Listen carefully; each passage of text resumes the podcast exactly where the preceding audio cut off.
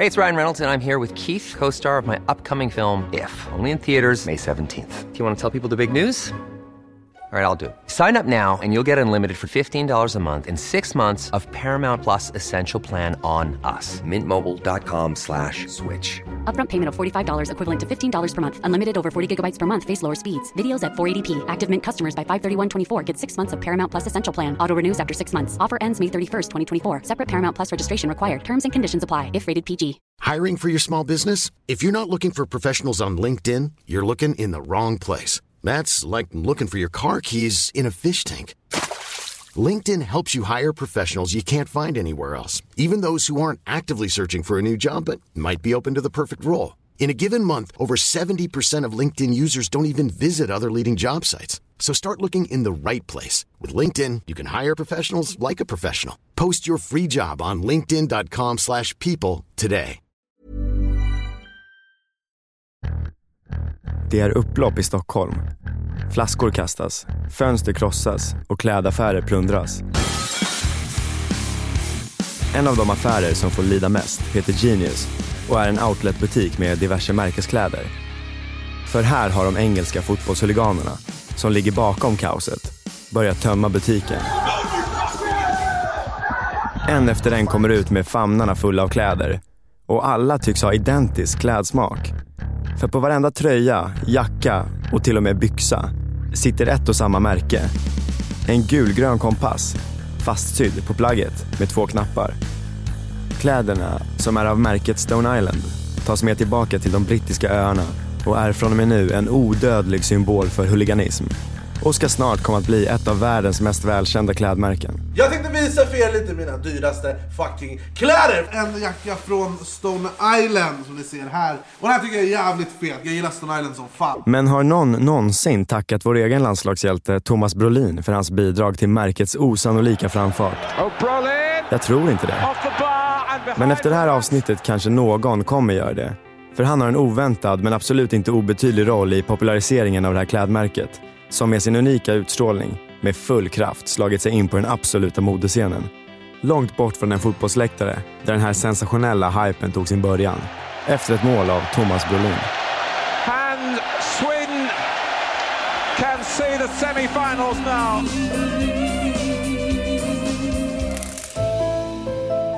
Du lyssnar på Fjärilseffekten. En podcast om de små, till synes obetydliga händelserna som sätter jorden i gungning. För allt vi gör, vilken mat du beställer på restaurangen, hur yvigt du vågar röra dig på dansgolvet eller om du missar det där tåget, kan faktiskt, svindlande nog, ge konsekvenser långt större än det är möjligt att greppa och kanske till och med påverka vad som händer på andra sidan jorden. För med fjärilseffekten menas ju att en fjärils vingslag i Amazonas kan orsaka en orkan i Texas. Jag som är med dig heter Axel Hietanen Ingman. Och i det här avsnittet är det vår egen fotbollshjälte Thomas Brolin och hans insats i fotbolls-EM 1992 som utgör vibrationen som satt världen i gungning. För tack vare honom får huliganer, till en början på de brittiska öarna, men senare världen över, sin alldeles egen kostym.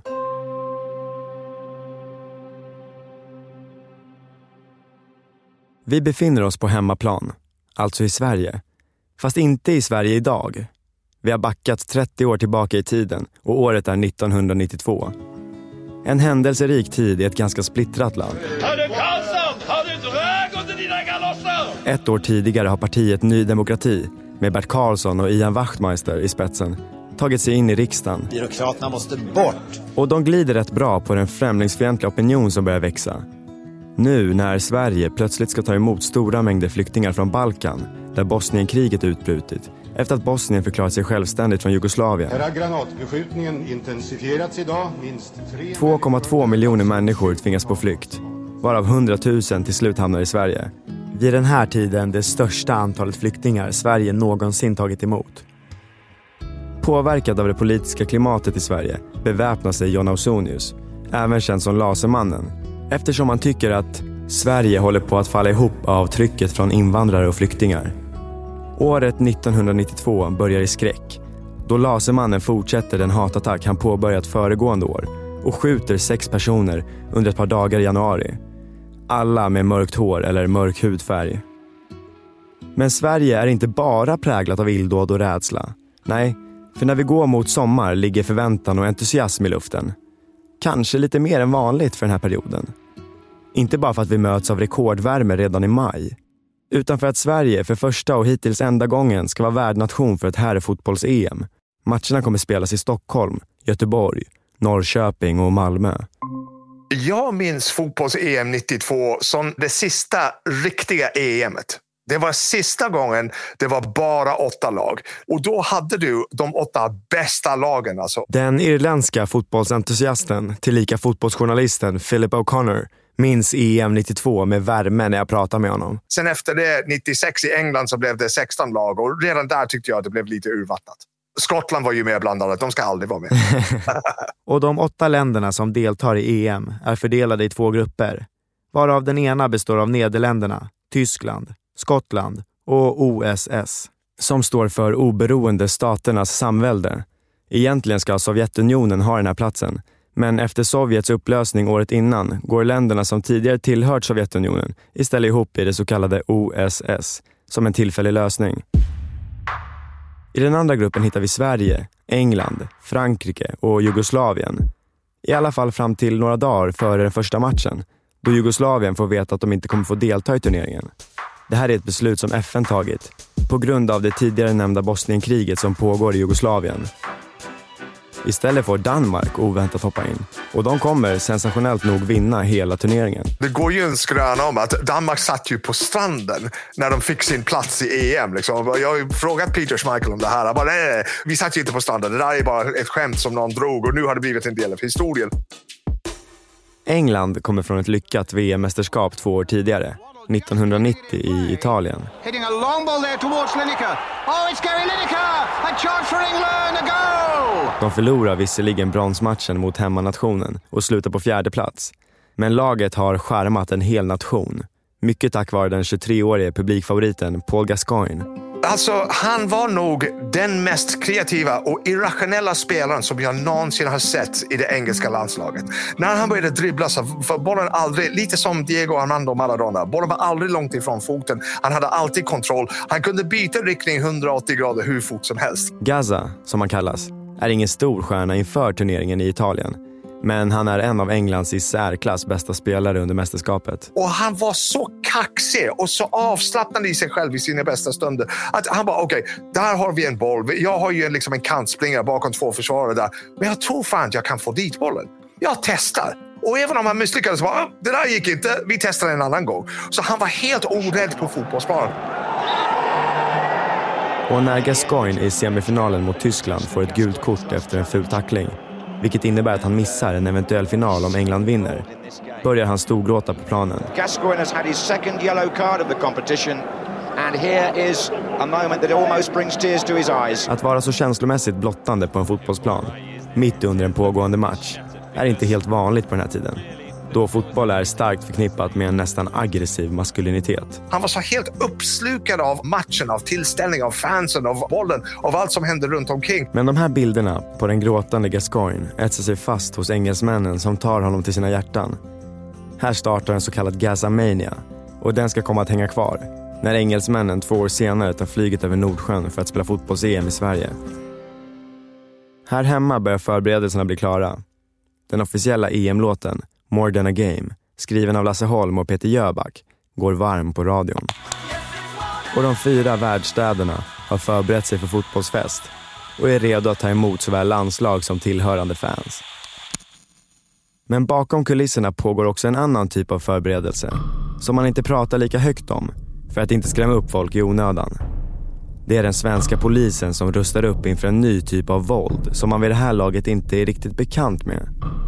Vi förberedde oss ganska noggrant vill jag påstå. Kunskaperna var väl inte de absolut djupaste, det är jag det först att erkänna. Lars Rune Bolin är pensionerad polis. Och stor konsument av fotboll vill jag påstå. Och han jobbade som avdelningschef i Göteborg under fotbolls-EM 92. Det här med eh, störningar kring eh, idrottsarrangemang, det hade ju förekommit i och för sig. Mest i form av berusningar och sådant. Skridskomästerskap i Göteborg Ullevi lockade ju stora mängder av åskådare.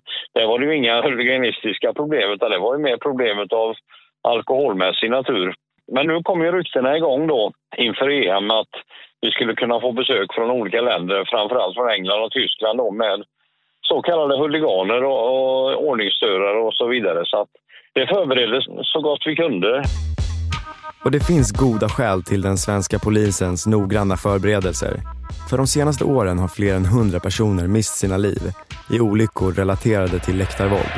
Blodiga, sönderslagna människor bars ut här och bärs ut fortfarande. 1985 dör 39 människor i den så kallade Hazel-katastrofen. Fruktansvärda scener. Folk slogs medvetslösa, rullade ner för scentrapporna. När en match mellan Liverpool och Juventus spelas och Liverpool-supportrar plötsligt stormar en sektion full av Juventus-supportrar. Staket revs ner. Kravallpolis försökte få ordning på supporterkriget genom att ta in hundar och hästar mitt i den hemska otäcka villervallan. En del dör till följd av bråket som uppstår och andra kläms ihjäl. Och bara fyra år senare, 1989, dör 97 Liverpool-supportrar i Hillsborough-katastrofen när de kläms ihjäl av trycket på läktaren. Hundreds of people tried desperately to escape the overcrowding by scrambling over fences onto the pitch. Many died crushed against the barriers. Så en sak är säker. Den svenska polisen måste förbereda sig på det värsta. Vi visste ju att det skulle komma ordningsstörningar, att det skulle komma folk och fotbollsfans från olika delar av Europa, men inte alls eh, hur de skulle bete sig, hur de skulle vara, hur sättet att klä sig och sånt. Det trevades i mörkret och fördomarna var många. Europamästerskapet sparkas igång en varm sommarkväll den 10 juni på nationalarenan Råsunda. Har ingen vid främre heller. Janne Eriksson, 1-0 till Sverige. Mycket bra gjort av Janne Eriksson. Bra lagd för Närmare 30 000 åskådare får se de blågula herrarna möta Frankrike och efter 90 spelade minuter visar resultattavlan 1-1. Så underbart. Vilket får anses vara ett bra resultat för Sverige. 24 timmar senare är det så dags för England att göra entré på planen.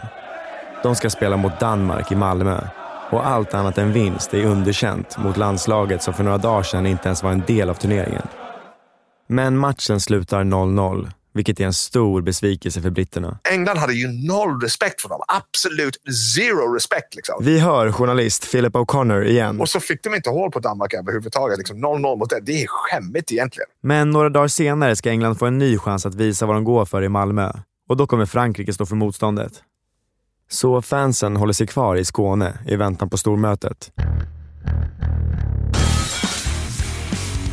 Nu får Malmöpolisen ett första smakprov på baksidan av den engelska supporterkulturen. För dagen innan matchen mot Frankrike bryter ett stort bråk mellan fans och polis ut på Stortorget i den skånska värdstaden. For a week the England supporters' behaviour had drawn nothing but compliments. A tragic irony then that a few hours later we once again saw the dark face of English football. Två supportrar har klättrat upp på taket till ett öltält och när polisen försöker få ner dem därifrån uppstår tumult. Several dozen young Englishmen who'd been drinking in the cut price beer tent rushed in to join the attack. Engelsmännen tänder eld på saker, rutor krossas och en kameraman blir misshandlad. Och polisen beslagtar bland annat en yxa och karatepinnar från de brittiska supportrarna. Och det blir inte bättre av att även matchen mot Frankrike slutar mållös.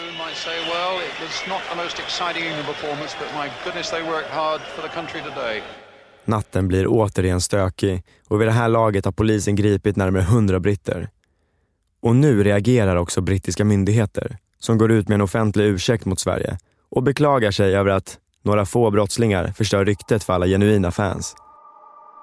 Men det är faktiskt inte bara engelsmännen som skapar kaos i Sverige under fotbolls-EM 92. Lars Rune Bolin berättar om hur det var att jobba som polis den 18 juni i Göteborg. Ja, då kom ju det här beramade upploppet mellan holländska och tyska, framförallt drivet av de tyska supportrarna. Och jag fick ju den tvivelaktiga förmånen att vara mitt i centrum av detta. Några timmar innan matchstart mellan Nederländerna och Tyskland blir Lars Rune och hans kollegor utkallade till Heden, där holländare har samlats vid ett öltält. Helt plötsligt var det som helvetet bröt ut på Heden, den här stora grusplatsen mitt i centrum. Ett hundratal, kanske fler, tyskar stormade in på Heden. Några av de här försäljningsstånden sattes i brand. Det rånades och plundrades och man skapade en allmän skräckstämning helt enkelt under några minuter.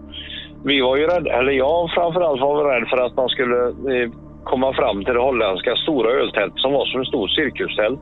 Och sen tog alltihop slut. Som på en välorganiserad sekund eller två så var allting över. Men lugnet blir kortvarigt. Bara någon timme efter det så får jag ett nytt larm i telefonen att du får bege dig med ditt gäng till Östra Hamngatan, Kungsportsbron som det heter. För nu samlar tyskarna upp sig igen. Och vi körde över stock och sten och gräsmattor och allt vad det var, rabatter. Och han egentligen före de här förmenta tyskarna då till Kungsportsbron där vi bildade en mur. Och där ser vi ett antal, ja, kanske ett par hundra som samlas på Östra Hamngatan på väg samma riktning mot Avenyn som tidigare. Vi bildade en mur med visirerna nere och bestämde oss för att stoppa det här, om det nu gick. Och eh, ett av mina minnen här det är ju att det var väldigt tyst. Så var nog inte fallet, men jag upplevde det som det var nästan dödstyst. Och sen börjar man höra rop Deutschland, Deutschland och sen går man till attacker mot kedjan som står på bron där då. Så upplevde jag det. Polisen blir beskjuten med lysgranater och bangers. Men vi lyckades avvärja det här angreppet och sen tog det mer eller mindre slut.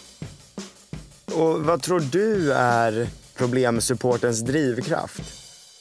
Jag tror att det finns väldigt många drivkrafter. En av drivkrafterna är ju naturligtvis att man får betydelse på ett sätt och får njuta, eller vad man kallar det för, av massans kraft. För det får man ju verkligen. Man förlorar ju den personliga kraften utan man blir ju en del av massan. Och man behärskar både territorium och område under en kort stund som måste vara väldigt berusande och det har man ju läst att så är det också.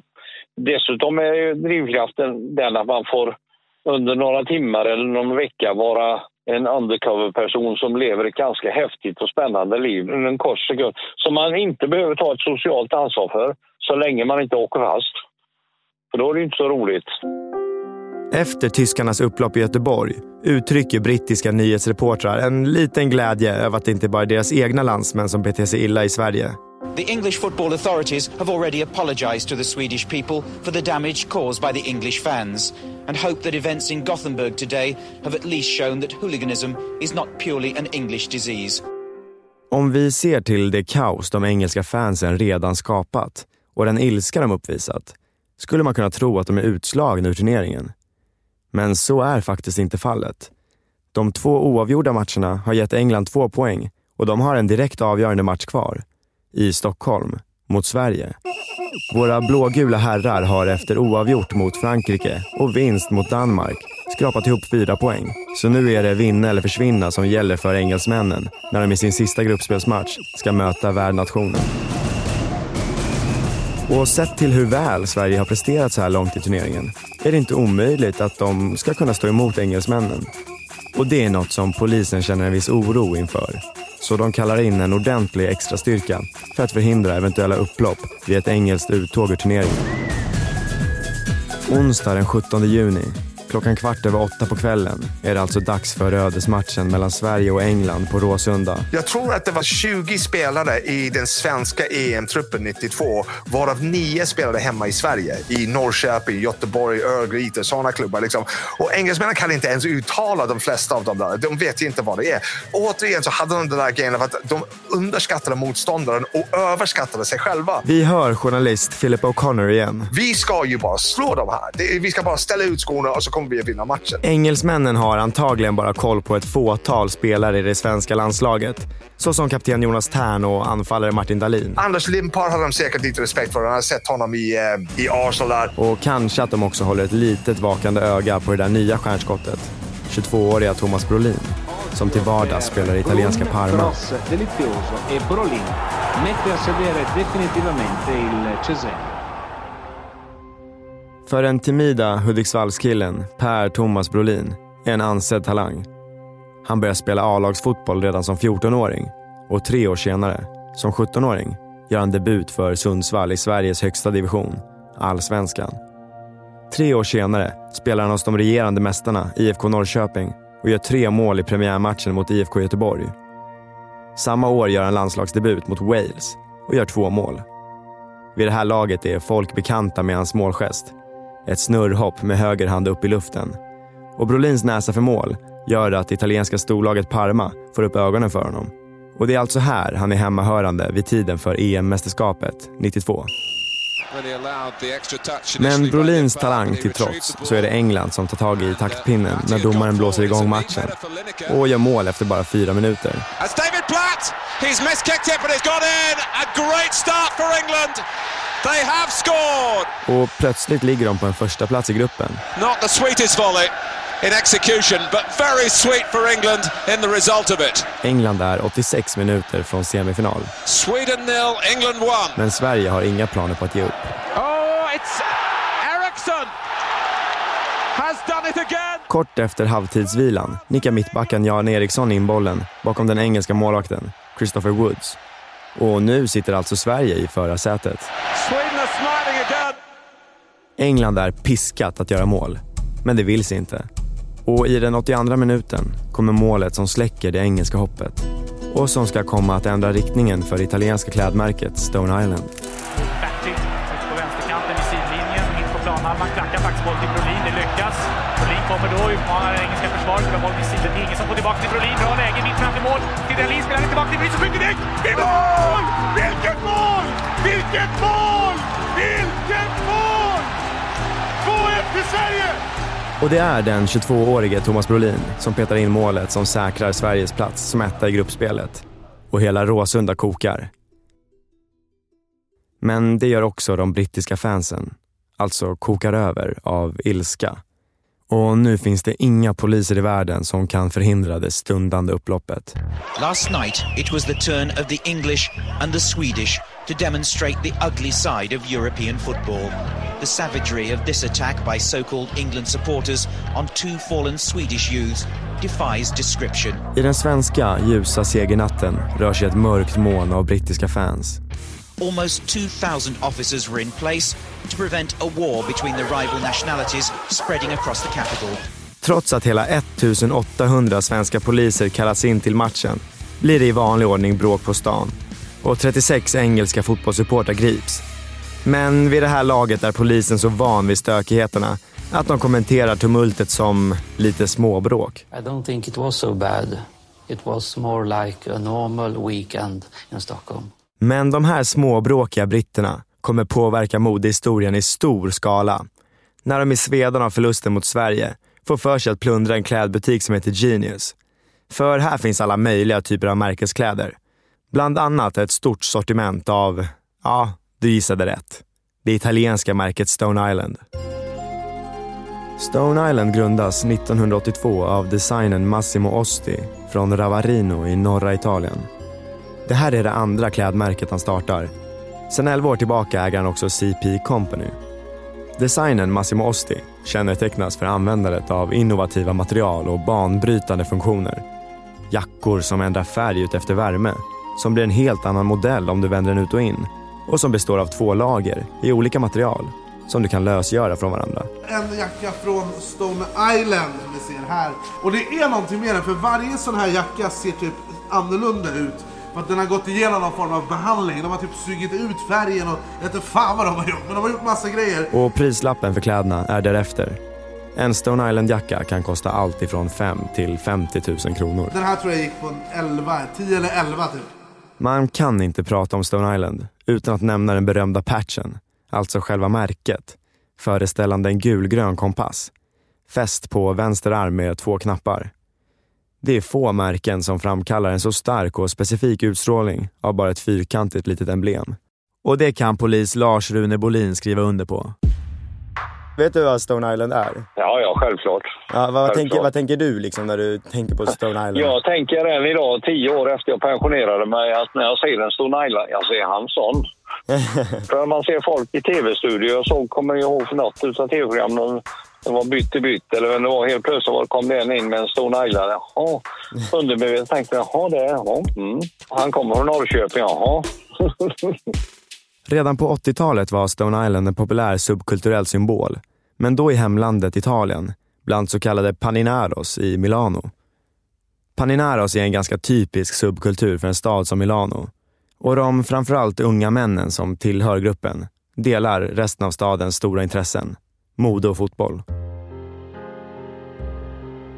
Namnet, Paninaros, får de eftersom det de gör om dagarna är att hänga på Milanos så kallade Panino Cafés, alltså smörgåsbarer.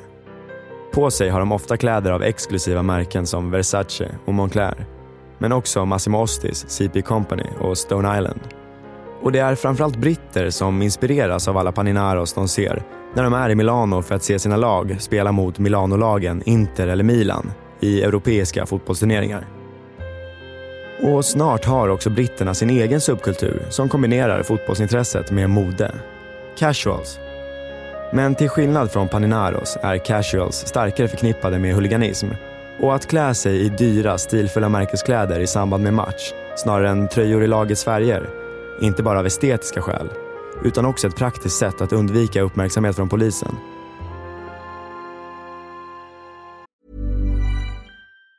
Planning for your next trip? Elevate your travel style with Quince. Quince has all the jet-setting essentials you'll want for your next getaway, like European linen, premium luggage options, buttery soft Italian leather bags, and so much more. And it's all priced at 50 to 80% less than similar brands. Plus, Quince only works with factories that use safe and ethical manufacturing practices. Pack your bags with high-quality essentials you'll be wearing for vacations to come with Quince. Go to quince.com slash trip for free shipping and 365-day returns. Hey, it's Ryan Reynolds, and I'm here with Keith, co-star of my upcoming film, If, only in theaters May 17th. Do you want to tell people the big news?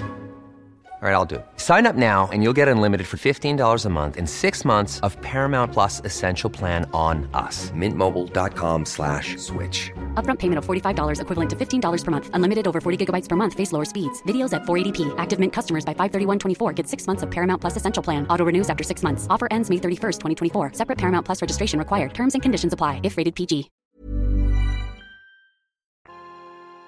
Casual-kulturen kommer få stort genomslag i filmer såsom The Football Factory, men framförallt Green Street Hooligans, där Elijah Wood spelar huvudrollen Matt, som går från att vara en oskyldig och osäker liten grabb till att gå med i huliganfirman Green Street Elite och åka på bortamatcher i enda syfte att slåss mot andra firmor.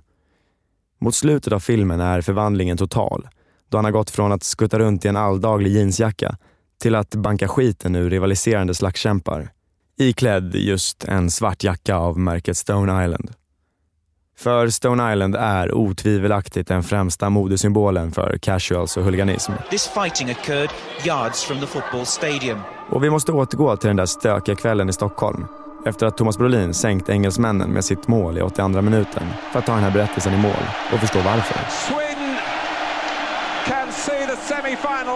Det blir alltså ingen medalj för England i fotbolls-EM 1992 men engelsmännen vill inte lämna Sverige helt tomhänta. Så för att kompensera för den uteblivna pokalen plockar de på sig så mycket Stone Island-kläder de kan bära när de plundrar outletbutiken Genius i Stockholm och kommer hem till England med ett nytt favoritmärke.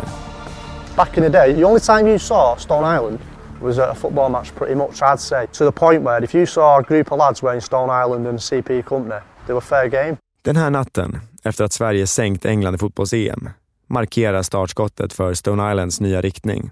Och under de år som följer, när Stone Island är som starkast förknippat med huliganer och casualkulturen, blir det i det närmaste en risk att bära märket vid fel tillfällen, då det kan uppfattas som en invit till bråk. Har du på dig Stone Island är du med i leken. Och är du med i leken får du leken tåla. Det var fair game. Men med tiden har märket kommit att breddas och gå från att nästan uteslutande bäras på fotbollsläktarna till att bli en seriös utmanare på high fashion-scenen. Mycket tack vare att märket blivit så starkt förknippat med musik. Inte minst när stilen fångas upp av hiphop-genren grime. En brittisk musikstil som vuxit lavinartat under de senaste åren. Med artisten Skepta som frontfigur. Ofta poserandes i just Stone Island. Jag skulle säga att Skepta är lite av en stilikon. Det här är musikskribent Levi Hille Bergström. Det räcker att kolla på honom. Han gör fashion shows för jättestora modehus och eh, är väl en av de främsta artisterna som har kommit ut ur England på senare årtionde. År 2014 ingår Stone Island ett samarbete med det då superhypade amerikanska märket Supreme och det italienska märket får en helt annan spridning över Atlanten. Supreme är väl egentligen från början ett skatemärke som kom under mitten av 90-talet som ganska snabbt fick kultstatus och som ganska snabbt började jobba på ett väldigt metaplan. Man kollaborerade med andra märken som kanske inte passade in. Man sålde askfat och dammvippor och eh, tegelstenar som man kunde köpa på Ebay för liksom, tusen dollar under ett tag. Och deras boxlogo t-shirts är väl det främsta plagget sådär. Som var extremt hypat för några år sedan sådär. Yeah. Yeah. Året därpå har de fått en vandrande reklamskylt i form av den kanadensiska rapparen Drake som nästan hela tiden ses bära märket från topp till tå. Hans kärlek för märket är så stor att han till och med bär en maffig Stone Island-logga i guld dekorerad med svarta, gula och gröna diamanter i en kedja runt halsen. Den ska ha kostat 100 000 dollar och på Instagram kan man se hans glädje när han för första gången får hålla i dyrgripen. What? The size is perfect too. Den nyfunna Stone Island-hypen bland hiphoppare skapar till och med osämja kring vem som var först. När rapparen ASAP Nast, som är en del av det så kallade ASAP Mob, svingar mot den andra rapparen Travis Scott i sociala medier och menar att Travis, som allt oftare börjar synas med en kompass på armen, har snott hans stil. Och jag har läst i olika modemagasin att Stone Island står inför en ny stor utmaning. Hur hanterar de märkets ökade popularitet utan att förlora förankringen till rötterna? För få märken i världen är så starkt förknippade med en så specifik subkultur. Och att märket är väldigt laddat, det kan fotbollsjournalist Philip O'Connor bekräfta när jag frågar honom om han skulle kunna tänka sig att bära ett plagg med Stone Island-kompassen på armen. Alltså eftersom jag umgås i de kretsarna som jag gör så skulle jag nog inte göra det. För då skulle det kunna uppfattas på fel sätt. Och det är för att jag har ju en trovärdighet, eller jag hoppas att jag har någon form av trovärdighet och kredibilitet som journalist. Om jag börjar klä mig på det viset så tror jag att jag skickar en signal som jag inte riktigt vill förknippas med.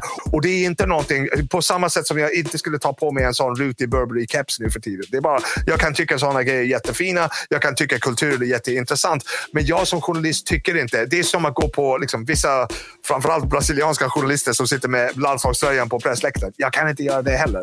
Och på samma vis så kunde jag inte göra det. Men kanske någon väldigt diskret t-shirt om jag inte skulle gå på en fotbollsmatch. Men nej, någon jacka i fotbollssammanhang, det skulle inte gå. En lyckad spark från Per-Thomas Brolin från Hudiksvall och ett misslyckat engelskt fotbolls-EM. Ja, det blev kompassen för det märke som nu pryder var och varannan vänsterarm. I nästa veckas avsnitt berättar jag om hur några rader om en robotdammsugare i en framtidsskildring från 70-talet gav oss powerparet med stort P, Brangelina. Prenumerera på Fjärilseffekten så dyker avsnittet upp i ditt flöde och ge gärna ett betyg i din poddapp. Det här avsnittet har producerats av Klara Wallin och spelats in på Beppo. Och jag heter Axel Hietanen Ingman.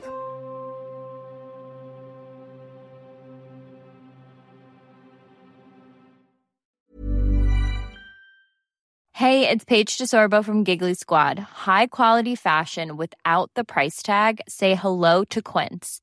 I'm snagging high-end essentials like cozy cashmere sweaters, sleek leather jackets, fine jewelry, and so much more. With Quince being 50 to 80% less than similar brands. And they partner with factories that prioritize safe, ethical, and responsible manufacturing. I love that. Luxury quality within reach. Go to quince.com slash style to get free shipping and 365 day returns on your next order. Quince.com slash style.